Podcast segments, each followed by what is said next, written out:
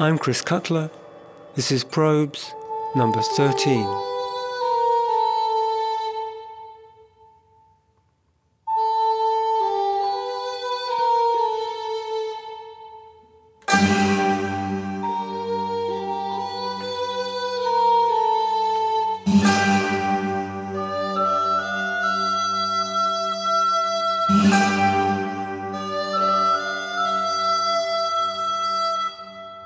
Back in the late 19th century, the early music revival had been closely shadowed by a revival of interest in national folk musics, and common to both had been a concern to recover, collect and document endangered repertoire and return it to life. However, by the 1950s, when curiously both movements simultaneously re-emerged in stronger and more confident forms, their motivations had radically diverged. Early music now made authenticity its central platform, while for the new folk community this was of little interest. Folk cultures are oral cultures and they leave little or no documentation. So what is known is whatever is passed from player to player or mouth to mouth. Unlike cultures backed by writing, folk musics are more like a creative game of Chinese whispers, constantly transforming themselves as they move through interpreters and communities and time. In fact, even the notion of authentic performance would be a misunderstanding. In folk music, authenticity is more a matter of relationships, to roots, to functions, to audiences, to an inherited language or some idea of history. So it's interesting to discover that even with these very different understandings, leading figures in both the early music and the folk community were drawn into a common orbit from which occasional probes were flown to test the potential for their mutual enrichment. Here, for instance, are Shirley and Dolly Collins, pillars of the traditional folk community, from their landmark LP project Anthems in Eden, which was recorded in 1969. The first thing to say about this is that there's nothing remotely authentic about it. While most of the songs belong to the mid 19th and early 20th centuries, the instrumentation belongs to the 15th and 16th. So we can certainly say that this is a species of experimental music. The sisters have form in this respect. They had already probed a variety of orchestrations before arriving at this one, and they moved on quickly afterwards, adding drums, electric bass, and guitar recruited from the world of rock. It was sound and character that mattered for them, not authenticity. I'll play the beginning of A Song Story in Courtship in Dolly's arrangement for an ensemble of early instruments. In fact, the very recently formed Early Music Consort, led at that time by two of the movement's most prominent pioneers, Christopher Hogwood and David Munrow.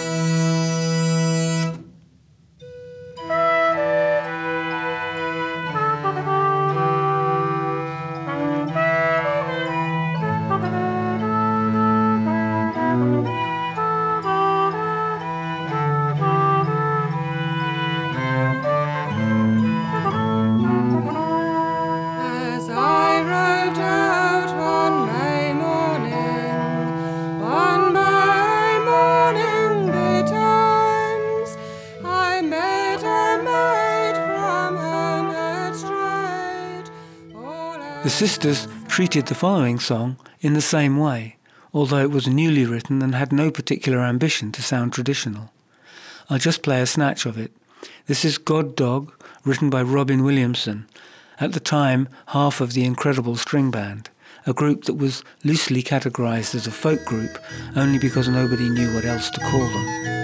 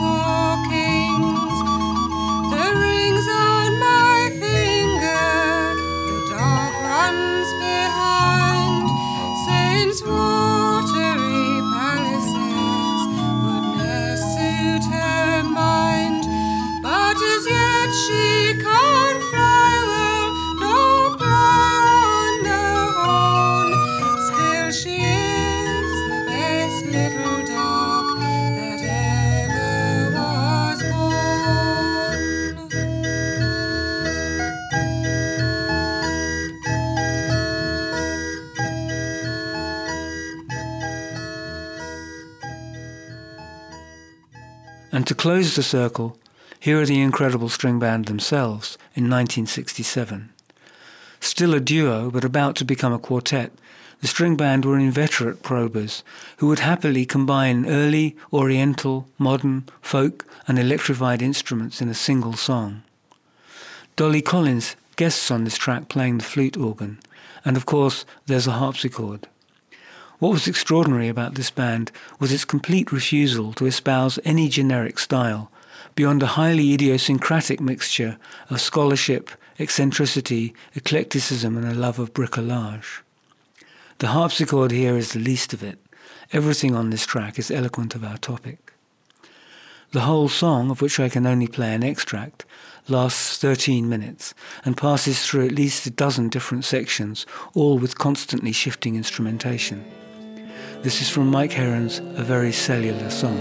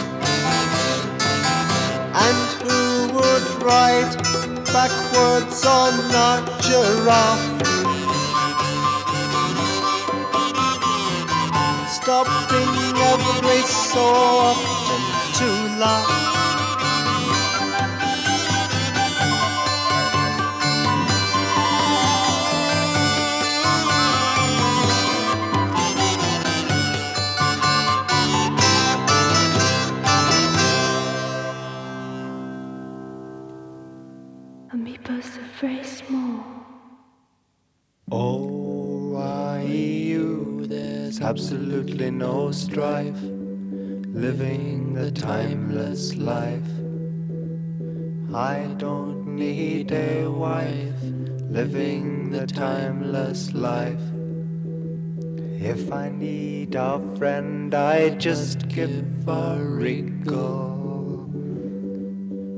Split right down the middle. And when I look, there's two of me, both as handsome as can be. Oh, here we go, slithering. Here we go, slithering and squelching on. Oh, here we go, slithering.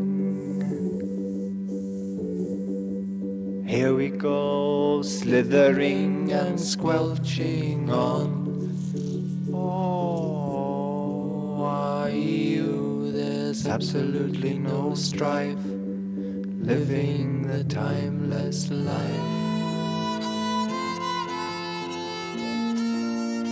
Nebulous nearnesses cry to me at this timeless moment. Someone dear to me wants me near, makes me high. I can hear vibrations fly through mangoes, pomegranates, and plains all the same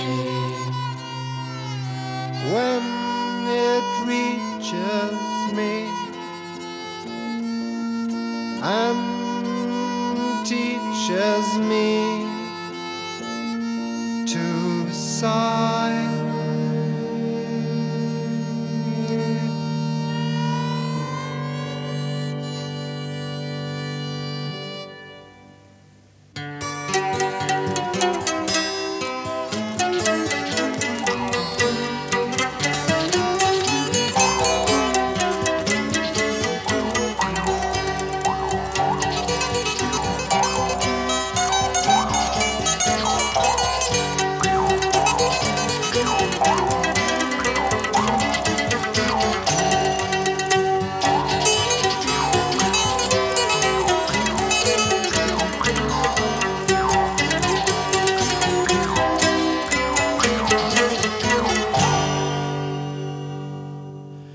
before we move on, here's a probe heading resolutely in the opposite direction. This is Philip Pickett from the early music group, the New London Consort, wondering how 16th century instruments and compositions might be accommodated to 20th century guitar, bass, and drums. In much the same way that the Collins sisters had drafted in the early music consort, here Pickett drafts in most of the rock band Fairport Convention, completing a circle in which folk artists, early music specialists, and rock groups promiscuously pass around chunks of their respective DNAs. This is Pickett's arrangement of La Ballo dell'Intorcia, written by the Italian composer Antonio Valente in about 1575.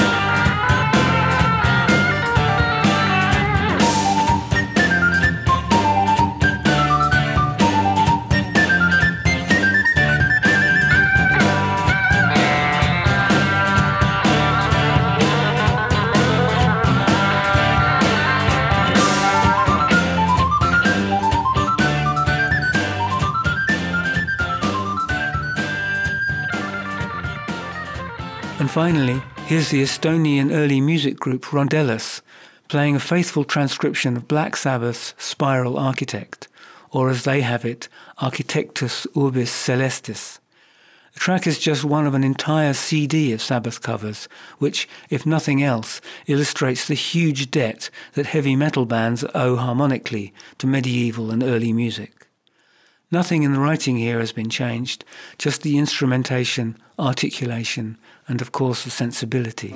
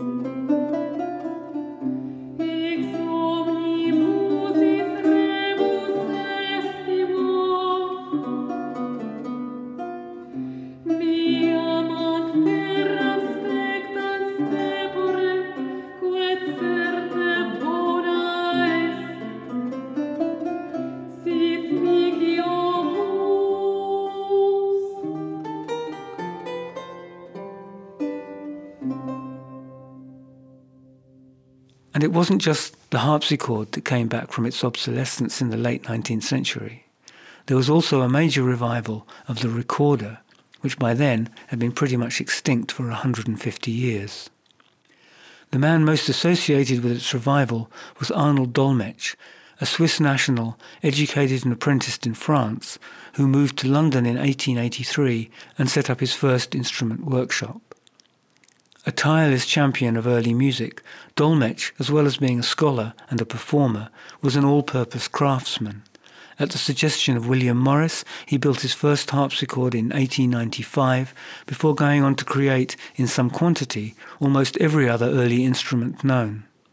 A tireless proselytizer for ancient music, Dolmetsch set up a festival, performed with his family on instruments built in his workshop, toured the world with an early music ensemble, and evangelized powerfully for the recorder, not only as a serious concert instrument, but as a practical means of musical education for schools.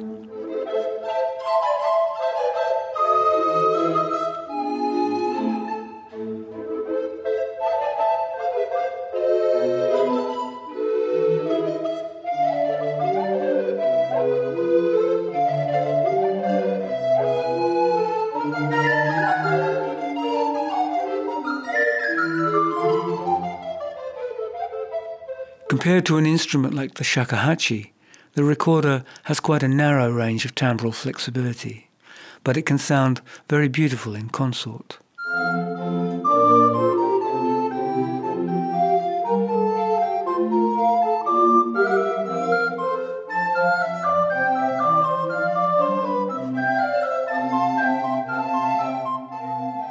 Recorders have found their way into relatively few unfamiliar situations. Berio's substantial Gesti for solo treble recorder, included in the auxiliary program to probe number 9, is one of the more significant works to have been written for it.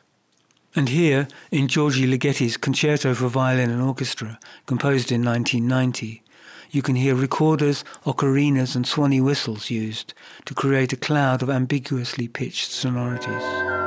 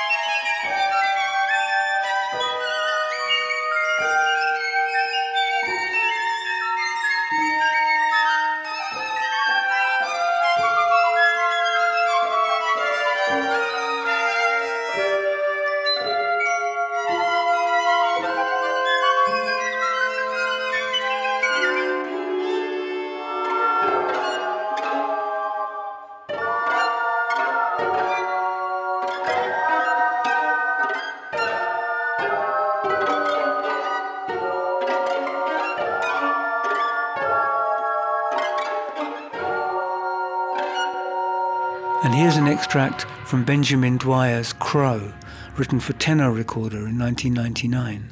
A tape supplies the accompanying atmospherics.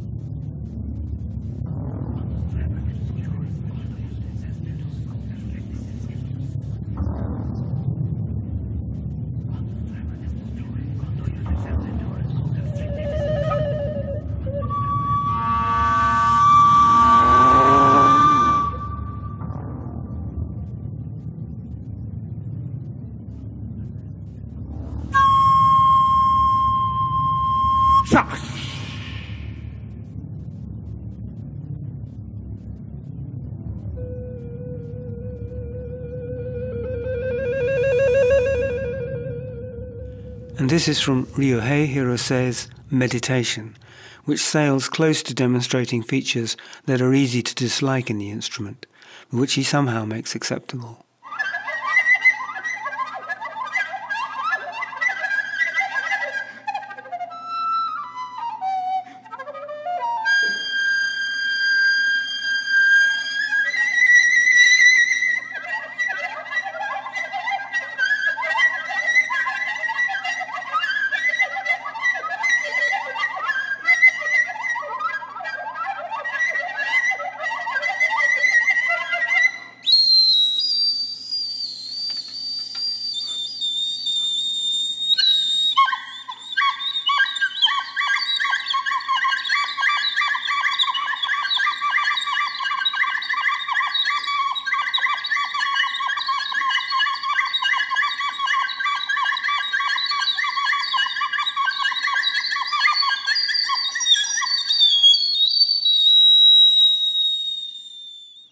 And here's Pete Rose with a prepared recorder. The bell has been covered with tape thin enough to buzz like a kazoo, and the head joint has been pulled out as far as it'll go. The composition itself consists of a single phrase steadily fingered in the right hand, with four variant fingerings that can be added in the left, the whole being articulated through various designated blowing strengths. Anything else you hear is a product of the instabilities of the instrument itself.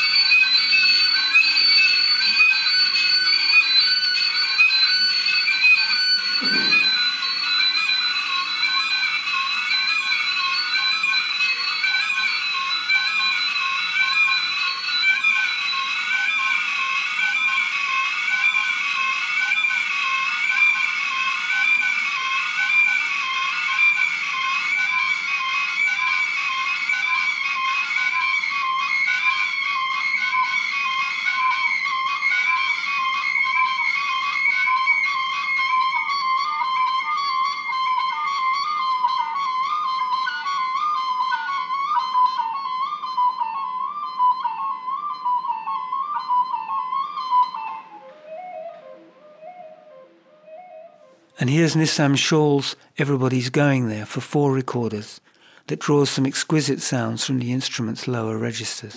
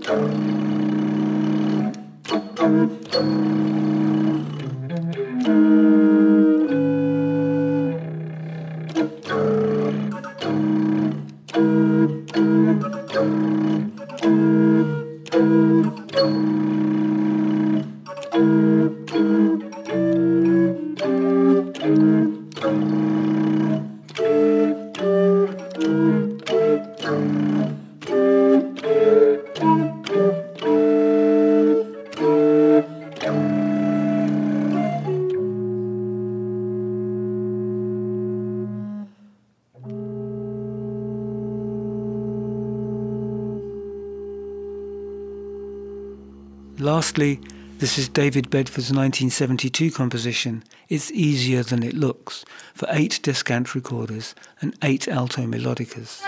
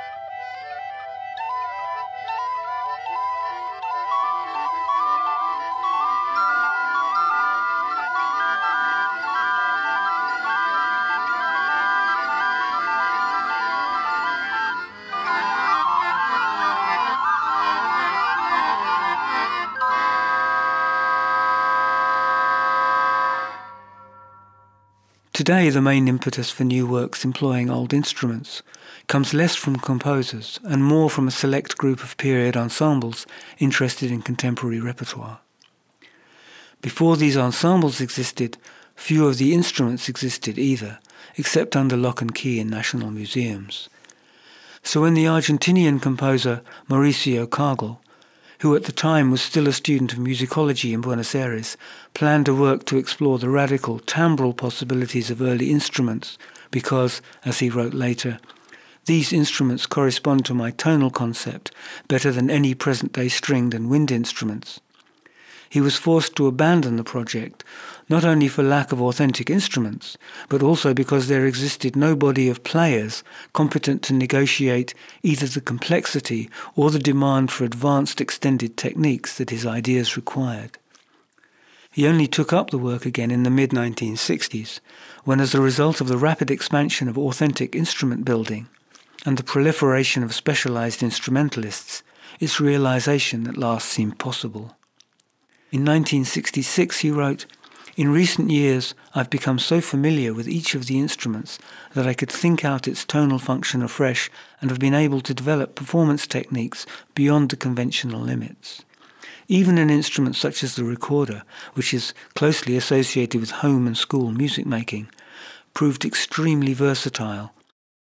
Although he dedicates the finished work to Claudio Monteverdi, it contains no quotations or references to Monteverdi's music or to any other period works, but in a nod to Renaissance practice, when works were played by whoever showed up on the night, music for Renaissance instruments is officially scored for any number between 2 and 22 players, although 22 are doubtless always expected. And here they are.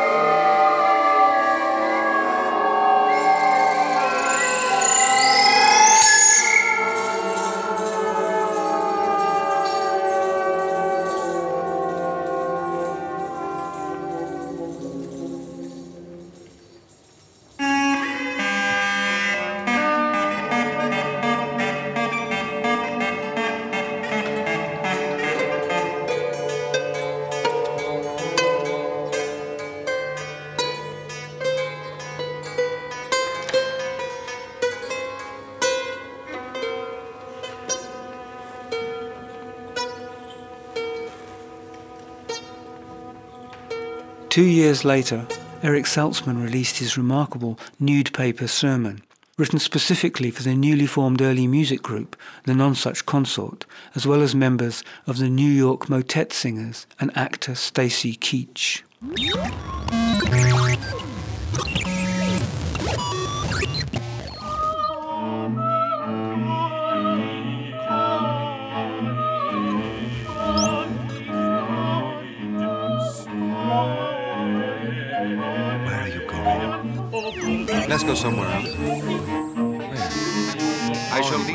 Nation forward as it has never been led forward before, to newer and greater glories and domination. The domination of this country's military power shall be enlarged until entire nations shall have to bow down and grovel at your feet. America is going to assimilate the world. Like a black bird, it will swoop down and devour the dogs. We will make ourselves strong with Cheerios. We'll watch out in order to know what we're doing. We'll do this for the sake of the poor, simple people. If mountains drip, we'll cork them up. If crocodiles crawl, we'll shoot them. We'll make water splash and fill the air with the buzzing of helicopters. Today, the worlds of contemporary and early musics meet rarely, and for the most part, diffidently you're as likely to find a tin whistle in an orchestra as you are a sackbut or a serpent. And other than the harpsichord, there's no easy mixing between ancient and modern resources.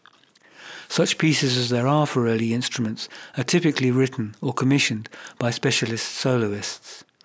You'll recall George Friedrich Haas's solo for viola d'amore in Probe 6, written for Garth Knox. Pieces are also commissioned by ensembles. Here, for instance, is an extract from a recent work written for the British Viol Consort Fretwork by the bassist and composer Barry Guy, a pioneering improviser from the early 60s who's retained deep ties to both the early and contemporary music communities.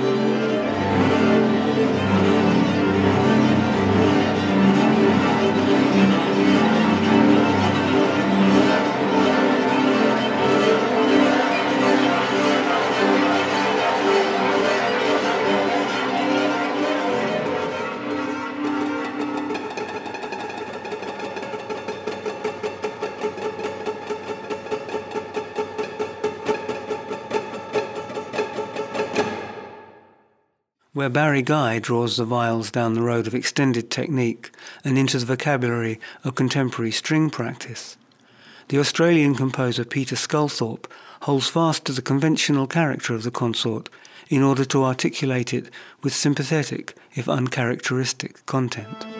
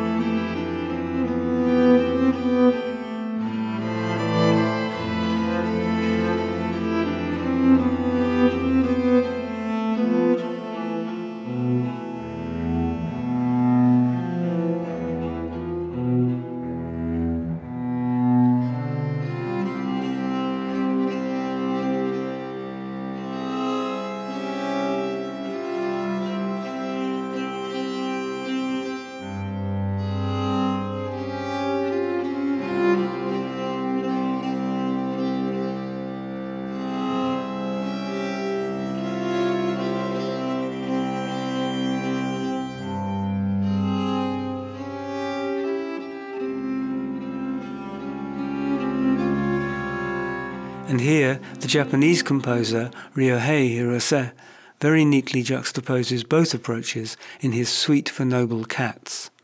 This is the gavotte.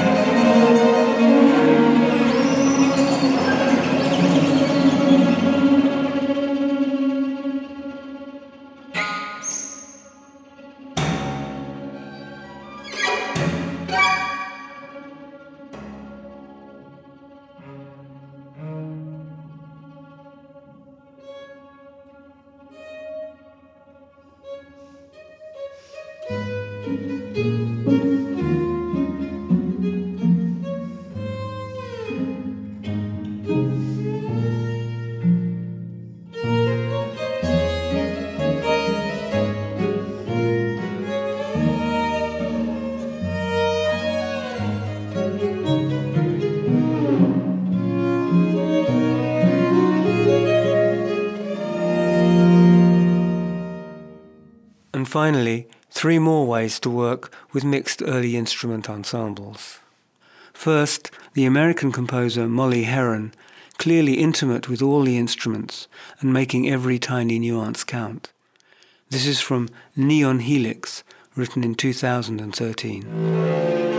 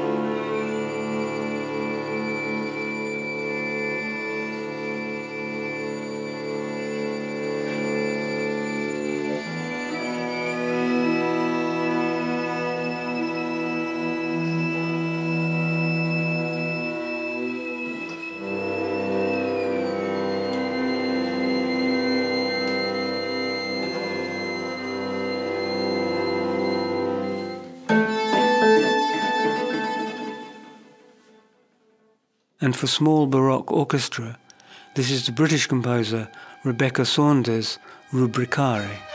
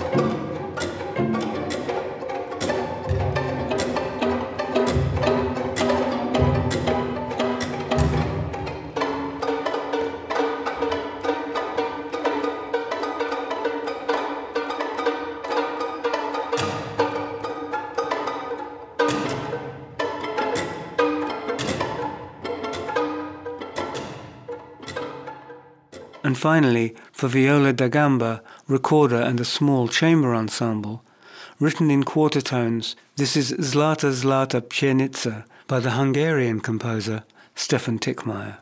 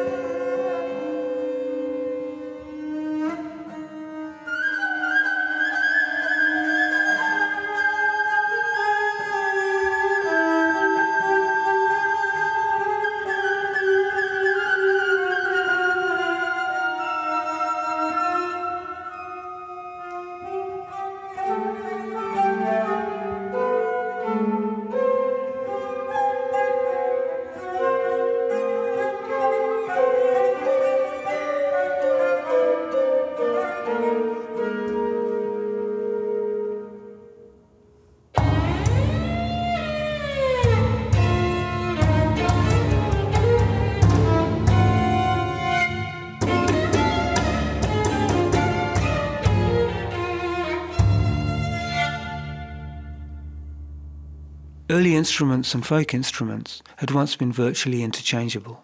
They were just instruments. But as the Baroque orchestra consolidated around the demands of notation, which required compatibility and uniformity, what we now think of as the instruments of the classical orchestra began to evolve away from their origins and take on different, more regimented forms. Many kinds of instrument disappeared from art music contexts altogether. But in the hands of peasants and labourers, a lot of them survived. The hurdy-gurdy, the zither, and the mandolin, for instance, while others, like the psaltery, continued to evolve. Entirely new instruments were adopted too, like the banjo, the accordion, and the dulcimer, so that by the late 19th century, the orchestral and folk families of instruments had grown so far apart as to become largely incompatible. Violins and clarinets remain rare examples now of instruments with continuing dual citizenship. But things that go around come around, and by the turn of the 20th century, art world composers began once again to show an interest in what remained of their national folk musics, and in some of the possibilities inherent in their instruments. We'll be looking at these in Probe 15. Before we launch into this, I'd like to backpedal a little and read a few markers into the record, because official histories tend typically to gloss over whatever is inconvenient or apparently marginal to their teleological narratives. The ubiquitous Alex Ross is only the latest to have captured the imaginations of concert programmers and documentarists and all of those who find it easier to take a kings and queens approach to musical history and treat its foot soldiers and forgotten masses as so many inessential bystanders whose aesthetics and innovations just complicate their tidy narratives. As Brecht remarked, Caesar defeated the Gauls. Did he not even have a cook with him? This series is for the cooks.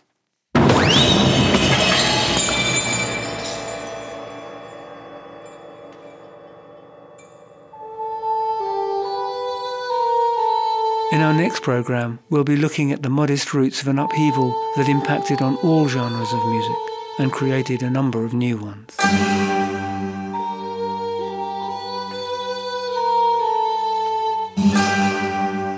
I'm Chris Cutler. This has been Probes.